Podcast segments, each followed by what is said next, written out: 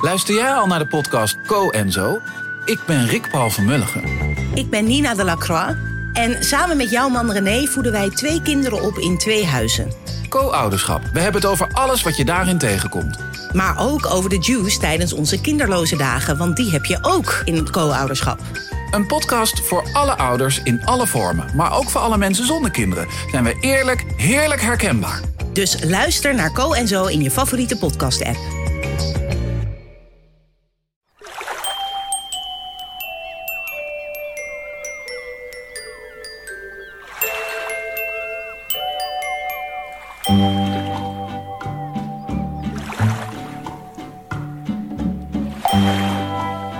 Welkom bij aflevering 355 van Echt Gebeurd.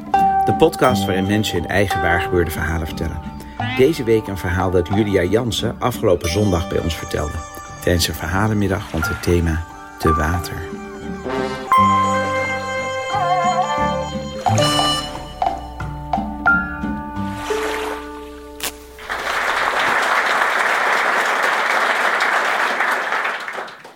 Toen ik een jaar of tien was, had ik een fascinatie voor de VOC, de Verenigde Oost-Indische Compagnie. Dat was een Nederlandse handelsorganisatie die vanaf het jaar 1602 naar Indië voer, nu Indonesië, om daar specerijen vandaan te halen. Nou, dat dit gepaard ging met ernstige vormen van uitbuiting en geweld, eh, daar was ik me als tienjarige niet zo van bewust.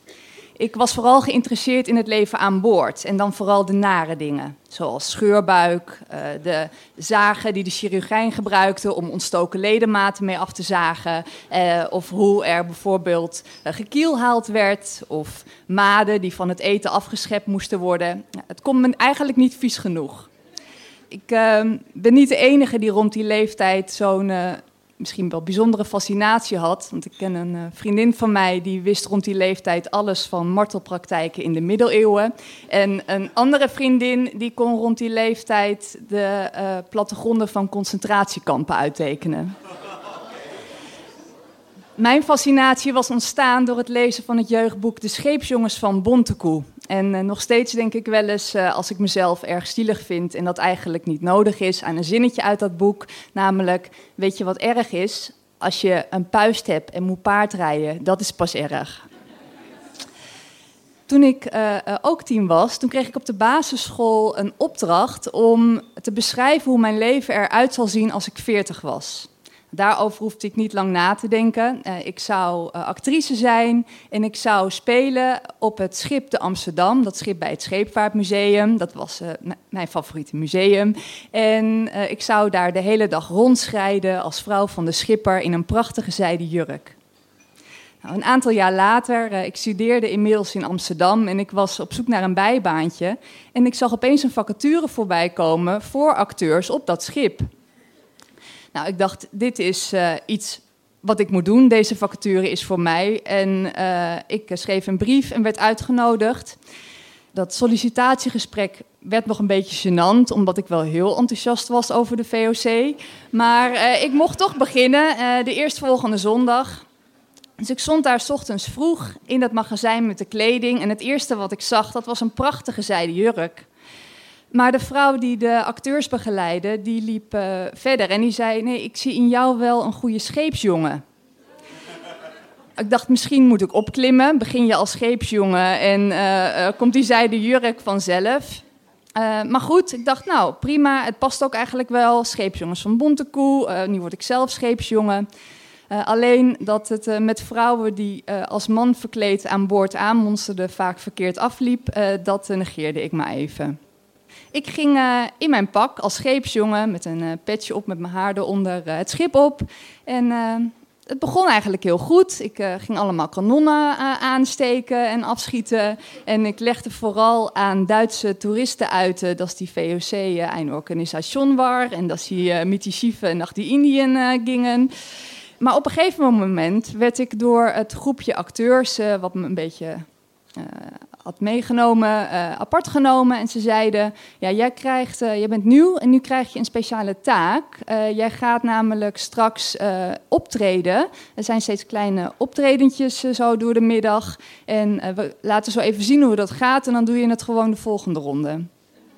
Nou, dat optreden dat bestond eruit dat uh, de, iemand van de bemanning, en dat zou ik dan dus zijn, met een papegaai als handpop een soort gesprek moest voeren over het leven aan boord. En die papegaai, die, dat zou ik dan moeten doen, die moest dan met een soort schelle stem antwoord geven.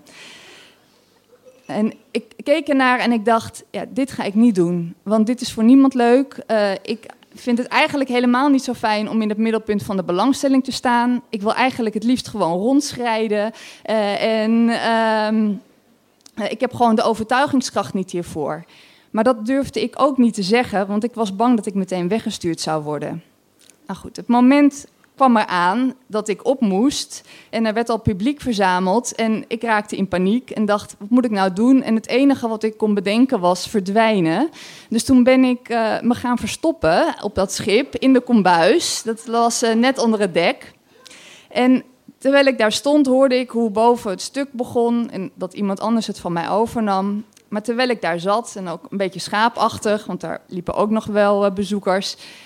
dacht ik opeens van ja, hoe, hoe, moet het, hoe moet het nou? Ik moet straks ook weer naar boven. En ik kreeg ook opeens heel erg sterk het gevoel dat ik helemaal niet van schepen hou en ook niet van water. Dus ik dacht, ik moet een, ik moet een smoes verzinnen. Nou, het stuk liep af en uh, ik moest weer naar boven. En het enige wat ik kon verzinnen was, ja, ik was het vergeten en ik kon het niet vinden. Nou, zeiden ze, uh, nu niet zo erg, dan doe je het gewoon volgende week. Mijn eerste dag op de Amsterdam was ook meteen mijn laatste, want ik heb me diezelfde week per mail eh, afgemeld. Maar uh, elke keer, uh, inmiddels ben ik ook een aantal banen en studies verder. Maar elke keer als ik twijfel over hoe het nou moet met mijn werk en soms ook met mijn leven, kan ik altijd bedenken dat mijn kinderdroom om actrice te zijn op dat VOC-schip alles uitgekomen. Dank jullie wel. Dat was een verhaal van Julia Jansen. Julia is scenario-schrijver en docent Nederlands. Meer informatie over haar kun je vinden op de website juliajansen.nl. En meer informatie over Echt Gebeurd kun je vinden op onze website www.echtgebeurd.net. Bovendien kun je daar, net als Julia, als verteller jezelf opgeven wanneer je een mooi waargebeurd verhaal hebt. En voor je het weet, sta je bij de volgende verhalenmiddag bij ons op het podium.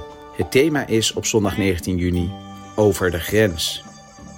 De redactie van Echt Gebeurd bestaat uit Paulien Cornelissen, Maarten Westerveen, Bijke Aarts, Renette Kwakkerbos, Tom van Rooyen en mijzelf, Micha Wertheim. Productie Hanne Eibingen, zaaltechniek Tyrone Dierkse, podcast Gijsbert van der Wal. Volg ons op Instagram, Twitter of Facebook. Maar geef ons vooral een goede beoordeling in je podcast-app. Dat helpt nu iedereen opeens een podcast is begonnen. En wij een beetje dreigen te verdrinken in de zee van podcasts. Dit was aflevering 355. En dat het niet goed afloopt met vrouwen die als man verkleed aanmonsteren, kunt u maar beter vergeten.